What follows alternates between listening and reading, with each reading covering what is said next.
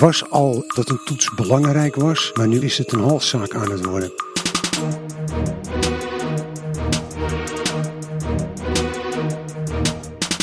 Als je een kind van 14 een 7,3 geeft, de Maria Montessori draait zich om in de graf.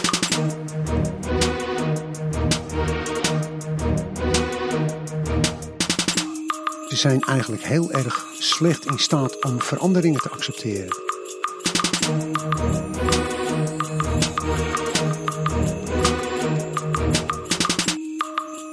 Dames en heren, hartelijk welkom bij deze eh, negende aflevering alweer van de podcast 88 Toetsen.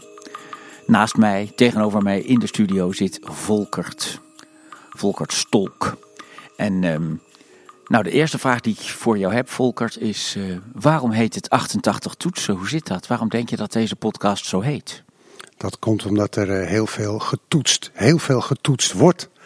En eh, een paar toetsen in de week, 40 weken lesweek in een jaar, paar eraf. Dus twee, tweeënhalve toetsen per week voor die puppen. Dat vind ik erg veel. Maar waarom zeg ik dan precies 88? Dat zal geteld zijn naar ik aanneem, maar dat weet ja, ik niet ik heb zeker. inderdaad die toetsen precies geteld. Ik weet 100% zeker dat het er altijd 88 zijn en nooit 87, ook nooit 89. Bij muziek heb je 88 toetsen. Op een piano. Juist, dat, is, Precies. dat is de reden. Maar eh, oké, herinner jij je de tijd dat er nog helemaal niet getoetst werd in de onderbouw op het MLA? Nee, zeker niet. Ik ben hier vanaf het begin van de eeuw en toen werd er al eigenlijk altijd getoetst. Alleen de hoeveelheid en de nadruk op die toetsen, daar is wel iets gebeurd. Wat is er gebeurd? Het is eh, steeds meer gegaan van dat leerlingen hier komen om te leren, naar dat leerlingen hier komen om een voldoende toets te halen. En die kwartslag heb ik toch wel zien gebeuren. Het was al enigszins van dat een toets belangrijk was, maar nu ondertussen is het een halszaak aan het worden. En dat eh, lijkt mij geen eh, goede zaak. En ehm, wanneer is dat gebeurd? Wanneer was gewoon, zeg je nou, dit was de omslag, nu is het niet meer leuk of nu is het veranderd, nu is het klaar? Ik denk dat het heel sluipend, hele kleine stukjes, hele kleine stapjes, maar wel steeds meer. Dat je dan de, de, de, de kreet krijgt van, ja, ja, dit moet je weten, want het zit in elke toets. Ja, Nee, dat is onzin. Je moet iets weten omdat je het moet weten. ja Ja, dat. dat. Ja, Nou, heb jij iets gedaan om het tijd te keren? Ja, ja. ja. Wat is eh, dat? Nou, dat kwam twee kanten om. Ik probeerde zelf dat, dat eh, de leerlingen niet zo'n stress en gedoe hadden met toetsen, van help toetsen. En eh, naderhand kwam er een cursus en die heette formatief evalueren. Heel En moeilijk bleek- woord, maar wat is ja, het? En toen bleek eigenlijk dat ik daar al heel erg goed in de goede richting zat voor wat die cursus wilde. Dat is dat een leerling maakt de toets als hij er behoorlijk zo ver mee is met de stof dat hij een test aan kan. Dat hij kan laten zien dat hij het kan. En je bent nooit 100% in, in, in iets vreselijk goed kunnen. Dan nog, dan haal je 9,5 en geen 10. 100% haal je nooit bijna.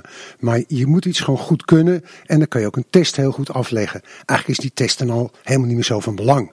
Want je kan het. Juist. En eh, die test, die doe je klassikaal.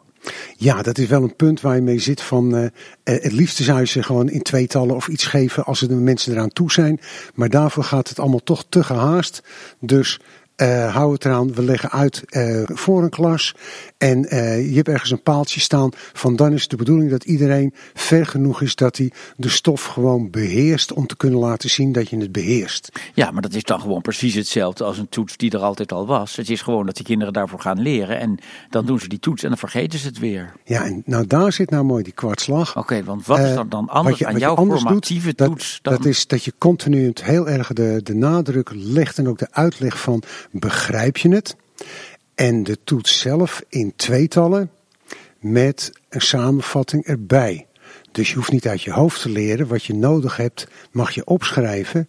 En je moet begrijpen wat je doet. En je moet dus moeilijke vragen kunnen beantwoorden, omdat je de stof begrijpt. Je mag het opzoeken dus. En je mag het ook opzoeken en je mag met je twee overleggen en zien dat je eruit komt dat je het goede antwoord krijgt. Het is dus helemaal geen toets, het is gewoon dat je met z'n tweeën een werkstuk maakt. Dus. Feitelijk ben je met je twee een werkstuk aan het maken, maar omdat iedereen toetsen wil zien, laat ik hem gelden als toets. Maar Ja. feitelijk, feitelijk is het grootste winst als je in een blok van acht, negen weken zit en er een toets zit wordt gehouden, laat staan meer dan één toets. dan gaan die lesuren bij mij komen er bij lestijd bij. Ja, Dus feitelijk heb ik tussen de 15 en 30 procent meer lestijd voor een klas, omdat ze tijdens de toetsen bezig zijn met leren. oké, dus jij noemt het een formatieve toets, maar in feite is het gewoon, jongens, ga met z'n tweeën een werkstuk maken over, nou, wat is het onderwerp dan, magnetisme of zo. Ja, precies. Je doet steeds een stukje natuurkunde en dan vecht je je er samen door. Ja. Van wat weet ik, wat weet ik niet, wat kom ik tekort en met je tweeën kan je het. Ja, en dan weet je dus helemaal niet of die kinderen het echt kunnen, want eh, ze hebben het allemaal mogen opzoeken. Je weet niet of je het echt kan, maar als je genoeg en moeilijk genoeg vragen stelt, weet je wel heel goed. Degene die het niet, die het heeft eh, eh, afgeraffeld, die loopt vast tijdens de toets. Dat zie je dus continu. Want er is, dan is daar, daar weer te moeilijk voor. Juist. Dus die weten ook van, je moet wel oefenen, je moet wel er bovenop zitten, je moet wel op de uitleg passen, want anders kom je er niet meer weg. Juist. Dus jouw vragen in die forma, hoe heet dat nou? In die Formatieve. formatieve toets, die zijn dus veel moeilijker dan eh, voor een gewone. In ieder geval moeilijk genoeg. In ieder geval moeilijk genoeg dat je serieus moet weten waar het over gaat. Ja. Weer een antwoord kunnen maken. Ja, want er zijn ook leraren die doen dan zo'n toets en die vragen dan eigenlijk hele makkelijke dingen. En die zeggen, nou jongens, dit moet je nou toch wel weten. En dan is er ook geen uitdaging in, denk ik. Nee, dan is er helemaal geen uitdaging meer. Het is juist omgekeerd, het moet wel moeilijk genoeg zijn Juist. dat je er echt vol bovenop moet. Ja, en die kinderen vinden dit natuurlijk. eh, ik zit steeds advocaat van de duivel te doen. Hè? Ja. Die kinderen vinden dit natuurlijk verschrikkelijk. Willen liever gewoon een makkelijke toets waar ze een. Nee, Nee, andersom. Kinderen willen dolgraag deze formatieve toetsen in tweetallen. Ja. Ze schrijven ook in de evaluaties erbij van, deed iedereen het maar en eh, kan dit maar vaker.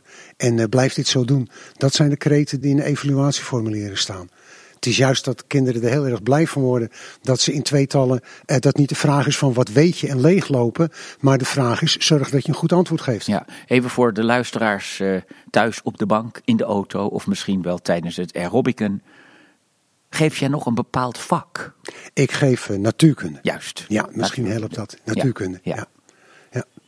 En zijn er ook mensen die het navolgen wat jij doet? Een beetje. Collega's vinden het niet altijd even makkelijk om op deze manier toetsen te doen. Sommigen willen ook heel graag denken dat ze met individuele toetsen beter zicht krijgen op wat de leerlingen kunnen. En ik heb het andersom gedaan, uitgezocht op de lange termijn. Wat gebeurt er met de leerlingen die natuurkunde kiezen in de bovenbouw? Wat gebeurt er met hun eindexamen? En dan uiteindelijk blijkt dat de kinderen die eh, op deze manier een toetsen doen en voor natuurkunde kiezen, goed zijn voor de gemiddeldes en goed zijn voor de cijfers van de school als geheel. Ja. Dus uiteindelijk de, de leerlingen die het weten, die het kunnen, die het snappen, die komen ook echt wel bovendrijven, want die weten donders goed dat ze het kunnen. Ik vind het zelf heel groot voor. De stress is eraf. Het uit het hoofd leren is eraf. Het goed je werk doen blijft zitten. En eh, blij zijn met goede antwoorden klopt ook nog steeds. Kijken ze het zelf na? Eh, ik kijk het niet zelf na, maar het is meer een kwestie van dat kinderen natuurlijk blij zijn als het snel goed gecorrigeerd is. Dat ze weten of ze hun best hebben gedaan, dat het ook klopt. Dat ze ook een goed cijfer hebben. Ja, En dat lukt dus heel vaak ook. Ja. juist. Dus de resultaten zijn hierdoor beter. Een derde van een klas foutloze toets is helemaal geen uitzondering. En de rest? Eh, goed, goed tot heel goed. En dan zie je prompt een paar die je al in de les hebt van zit er nou bij, let nou even op die een keertje extra roept. Die zie je prompt, die staan ook met een plus-min meteen. Want je, je zakt er ook meteen uit als je dus niet je best hebt gedaan, niet je goede samenvatting hebt, daar geen tijd aan hebt besteed. Dan zie je ook meteen dat het niet lukt. Ja, er is dus geen mogelijkheid om gewoon bij natuurkunde niet op te letten, het niet te begrijpen en de goede antwoorden in je kop te stampen en een dubbele plus te halen. Nee, dat, nee, Dat nee, nee, nee je, zakt, je, zakt, je zakt er echt gewoon helemaal door. Ja. Je moet het wel echt weten wat je doet. Daarvoor zijn die toetsen gewoon te moeilijk. Ja, en andersom, dat je het gewoon helemaal begrepen hebt, maar dat je gaat falen en stressen op, eh, bij jouw toets gebeurt Nee, dat? dat hoeft niet. Je hoeft niet te stressen, want je hebt je goede samenvatting bij je en kom erop met die vragen. En je zit met je tweeën. Dus samen weet je meer, samen kan je meer. En is het dan niet zo dat dat ene kind alles vertelt en het andere kind er alleen maar bij hobbelt? Of, eh, Dat, dat weten ze van elkaar onderling. Een uitzondering gebeurt wel eens voor het begin tweede klas. Dat je ziet dat eentje het goed leert en de ander er lekker bij komt zitten. Maar de tweede toets, dan wil diezelfde jongen niet meer met diezelfde andere jongen een toets maken. Dan kiest hij wel voor iemand anders als partner. aha, Dat is één toets en dan zijn ze er klaar mee. Ja. Kinderen zijn niet gek. Nee. Nee. echt, het is één toets, dan is het over. ja. Ja. Eh, het is dus zo dat jij de kinderen hierin vertrouwt of, of eigenaar maakt. Het is ja, alle twee. Het is en vertrouwen. Als jij gewoon er bovenop zit, dan lukt dat prima. Begrijpen is belangrijk. Inzet. En eh, ja, ik kan tijdens de toets kan ik een kop koffie gaan halen, want ze mogen toch praten, dus dat maakt helemaal niet uit. Ze mogen toch overleggen. Het gaat erom, ben jij in staat om de goede antwoorden te verzinnen? Is het nou toch echt zo makkelijk? Ja. Ja, het is echt zo makkelijk. ja, ja. Ja. Maar jij bent natuurlijk een hele jonge, enthousiaste meneer van 32. Bijna. Ja. Ja, maar serieus, hoe lang doe jij dit al zo? 20 jaar, Die formatieve toets zo? 15 jaar. Ja. Maar ik hoorde jou eh, bij die cursus zeggen, eh, het is heel leuk en nieuw en ik ben er heel enthousiast over. Maar eigenlijk was dat dat je het al lang zo deed. Ja, ik vond het heel leuk dat dus bleek dat die cursus bestond uit een systeem waar ik, ik, ik noemde het niet zo. Het enige, Hoe noemde je het dan? ja, gewoon toetsen. Ja. Het enige conflict, als je dat zou willen, dat is dat de cursus vond dat je die tweetallen als docent moet samenstellen.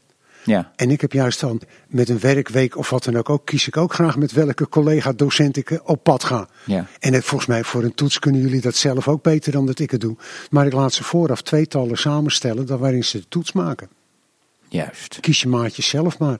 Ja. Ja, het voorbeeld wat ik graag geef is, eh, twee piloten zet je ook niet voor niks in een toestel. Eén piloot kan landen, daarom zet je er twee in, gaan de fouten eruit. Ja. En eh, één hartchirurg kan het ook, daarom doe je er twee, gaan de fouten eruit. Ja. Nou, is met de toets natuurkunde ook. Je zet er twee neer, kom op, fouten eruit halen. Ja. En, dan en leren ze ook van elkaar. Ja, nee, maar met vragen over kleuren en zo, dan zie je echt zo dat heen en weer van nee, maar dat wordt geabsorbeerd, nee, dat wordt teruggekaast, nee. En dan ben je zo, ah, zie je eentje kijken, ah, en nou, dan zie je eh, weer meer geleerd. En tijdens de toets leren ze. Je ziet het gebeuren. Er zit gewoon winst in. Oké. Ik nou, heb gewoon meer lestijd voor, voor op dezelfde school. Goed, dan gaan we nog maar een beetje naar een eh, ander onderwerp. Want dit wordt een hele saaie podcast. Dit wordt gewoon eh, dat we het zo moeten gaan doen. En we hebben nu opeens de oplossing in handen. Maar eh, ik wil eigenlijk jou iets anders vragen.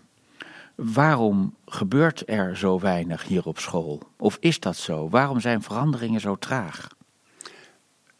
Veranderingen zijn overal, ook in de buitenwereld ook. Neem maar dieselauto's, benzineauto's en elektrische auto's. Eh, veranderingen, mensen zijn eigenlijk heel erg slecht in staat om veranderingen te accepteren. De mens, mensen vinden dat heel moeilijk. Jij ook? Misschien ik ook wel. Ik weet van een paar procent loopt altijd voorop. En een heleboel gaat wel mee. En een paar procent die staat met de hak in het zand eh, nog steeds te beweren dat de aarde plat is. Als je iets leuk en interessant en bijzonder vindt, hoor je bij de eerste paar procent die voorop loopt. Maar voordat de meute dan meegaat, ben je zo 10, 20 jaar verder. Ja. Ja. En ik denk dat dat voor docenten niet anders is. Zijn er mensen, denk je, hier op het Montessori Lyceum die denken: het is toch heel fijn dat we nu gewoon klassikaal toetsen en dat we het niet meer zo doen zoals twintig jaar geleden? Dat zou kunnen, maar ja, het, het punt is, je ziet dus het andere effect, dat weten, zweten, vergeten verhaal. Eh, kinderen zeg nog eens, dat is leuk. weten, weten, zweten, vergeten. Weten, zweten, vergeten. Ja, nee, Ja. de- ja, het is van kinderen doen heel erg hun best om iets even in hun hoofd te stampen. Korte termijn geheugen zit vol. Ze lopen leeg tijdens een toets en ze krijgen een dubbel. En als je daar een vraag stelt, weten ze niet eens waar het over gaat. Van, het is, het is allemaal heel tijdelijk. Dus je koopt er niks voor. Dat is ook typisch bij natuurkunde. Eh, je hebt het over elektriciteit. Eh, twee blokken later gaat het er weer over en volgend jaar weer. Dus op het moment dat je de eerste keer niet snapt, dan heb je de tweede en de derde keer achterstanden. Je moet gewoon stapelen. Je moet begrijpen waar het over gaat. Zo simpel is het. Ja. En als je dat dus niet kan, ja, een enkel hoofdstuk geluid komt één keer, nou, dat kan je dan missen. Maar heel veel andere dingen, dat komt allemaal twee, drie keer terug. Laat staan als je het kiest in de bovenbouw, dan komt het nog twee keer knalhard terug. Dus als je het niet begrijpt, je loopt elke keer weer vast. Ja. Dus het begrijpen is veel belangrijker dan het uit je hoofd leren. En de kinderen in jouw klas die begrijpen dus wel hoe elektriciteit stroomt. Eh, ik, ik hoop er het beste van. Ik hoop er het beste van dat dat lukt. Ja. Ik probeer continu op het begrip te zitten en niet op de puntjes voor je toets. Ja, Dat is helemaal niet van belang. Eigenlijk. juist. Nou, dit klinkt allemaal ongelooflijk eh, goed. Het is anders. Het is Ja. anders. Ja. Denk jij dat alle docenten dit kunnen of willen? Willen zal wel een punt zijn, maar kunnen, denk niet dat het zo moeilijk is. Willen is een probleem? Ja, ik denk dat het eerder is van, eh, ik noem wat, eh, je moet acht verschillende toetsen hebben als je toets geeft. Want eh, je moet in tweetallen, moet eigenlijk iedereen een, even een andere toets hebben. Er is natuurlijk ook wat getalletjes en wat namen en zo veranderen. Maar eh, je moet even wat diverser zijn in, je, in wat je aanbiedt. Dat maak je ook één keer en is het ook weer klaar. Ja. Maar het is dus eigenlijk ook helemaal niet erg als die kinderen die toets gefotografeerd hebben. Of de vragen, of de antwoorden. Ja, als je acht verschillende toetsen hebt, dan is de kans dat jij die toets krijgt als volgende klas 1 op 8. Dus wat heb je er dan aan? Ja, Ja, dus ook niet meer dan dat je op het goede been gezet wordt welk soort vragen je krijgt. ja, Veel meer helpt het toch niet. nee. God, wat een saai gesprek. We zijn het veel te veel eens. Vorig jaar had ik hier Joël en die maakte het mij eh, zeer moeilijk. Ja, daar kan ik me ook eens bij voorstellen. Als je een kind van 14 een 7,3 geeft voor wiskunde. De Maria Montessori draait zich om in de graf. Wat zei Maria Montessori? Dat je, als je een kind van 14 een 7,3 geeft. Of laat staan een 5,4. Je bent gefaald. Ja. Nou echt, die draait zich om in de graf. Ja, Het is toch helemaal volkomen zinloos. Een kind die een 5,4 krijgt, heeft niet genoeg begrepen van wat, waar die toets over gaat. Dus die toets had nog niet gemoeten. Ja. Zo simpel is het. En die heeft ook geen hulp gehad, want het is een 5,4. ja, Heeft ook niks geleerd tijdens die toets, want de helft is fout. Bijna. ja. Ja, zonde van de tijd. Ja, bovendien wist het kind al dat het. Ja, dat wist hij al. was. Krijgt hij al. stress van. Ook nog een keer zonde van dat kind. Ja, Heb je helemaal niks aan. Kan u beter als iemand zit en zegt, nee, dat doe je verkeerd. Kijk, er staat een kwadraatje. Hè? Wat? Oh ja. Kijk, daar worden ze tenminste wijzer van. ja. Ben je wel eens eh, overspannen en gestrest en zo dat het allemaal niet meer gaat? Nou, ik zie wel mensen omheen die het wel eens hebben. Maar jij niet. Ik denk het nog niet, nee. Maar hoe oud ben je, als ik vragen mag? Eh, bijna 68. Ja, en moet je niet eens met pensioen? Je wil nog steeds maar doorgaan, hè? Ja, nou, tot je het zeventigste schijnt dat te kunnen. Ja. Dus dan, eh, daarna schijnt het moeilijk te zijn. Maar Ja. We, zien het, nog een paar jaar, dan zijn Ja. we vanzelf zover. Ja. ja. Nou, volgens mij was dit het al wel weer zo'n beetje, hè? Nou, fijn. Heel hartelijk dank voor je komst eh, Graag gedaan. bij de podcast. Graag gedaan. En eh, dit was de negende aflevering van eh, de podcast 88 Toetsen. Met als speciale gast Volkert Stolk. Goedemiddag.